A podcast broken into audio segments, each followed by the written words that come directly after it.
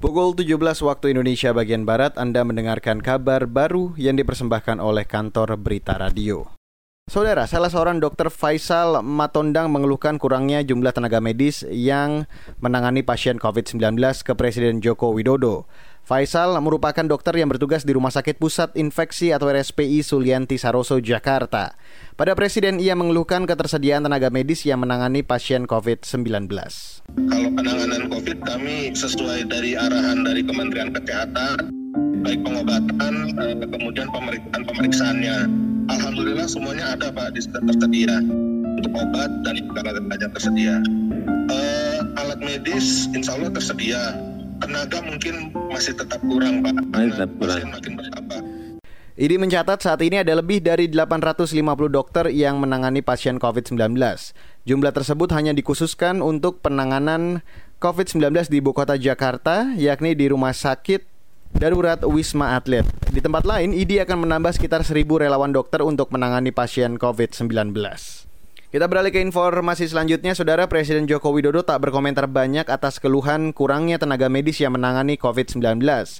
Ia hanya menyampaikan apresiasi dan ucapan terima kasih kepada seluruh tenaga dokter yang menangani pasien COVID-19. Saya sangat saya sangat menghargai, sangat mengapresiasi apresiasi yang tinggi dan ucapan terima kasih kepada Dr. Faisal dan seluruh dokter di uh, seluruh rumah sakit di Indonesia ini karena saya saya bisa merasakan betul betapa sangat beratnya bertugas berjuang dalam rangka menangani pasien-pasien yang eh, yang terkena COVID karena memakai apa masker yang yang yang panas kita pakai masker aja kadang sering nggak kuat apalagi pakai APD yang menurut saya sangat berat sekali. Sekali lagi, dokter terima kasih dokter. Data Ikatan Dokter Indonesia atau IDI hingga 26 September 2020 mencatat setidaknya ada 123 orang dokter yang bertugas di berbagai rumah sakit di Indonesia meninggal dunia karena COVID-19. Jumlah ini berdasarkan survei yang dilakukan tim mitigasi Ikatan Dokter Indonesia atau IDI hingga Sabtu akhir pekan lalu.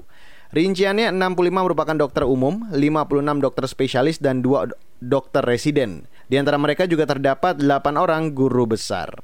Dan saudara kematian akibat virus corona di dunia menembus angka 1 juta jiwa berdasarkan penghitungan Worldometer hingga hari ini. Amerika Serikat memiliki jumlah kematian tertinggi dengan lebih dari 200 ribu diikuti Brazil, India, Meksiko, dan Inggris. Meski demikian, seperti dikutip dari AFP, sebagian orang masih menganggap angka kematian itu hanya sebagai statistik belaka. Padahal pandemi corona telah merusak ekonomi dunia, mengorbankan ketegangan politik dan mempersulit kehidupan manusia mulai dari daerah kumuh India hingga kota terbesar di Amerika, New York.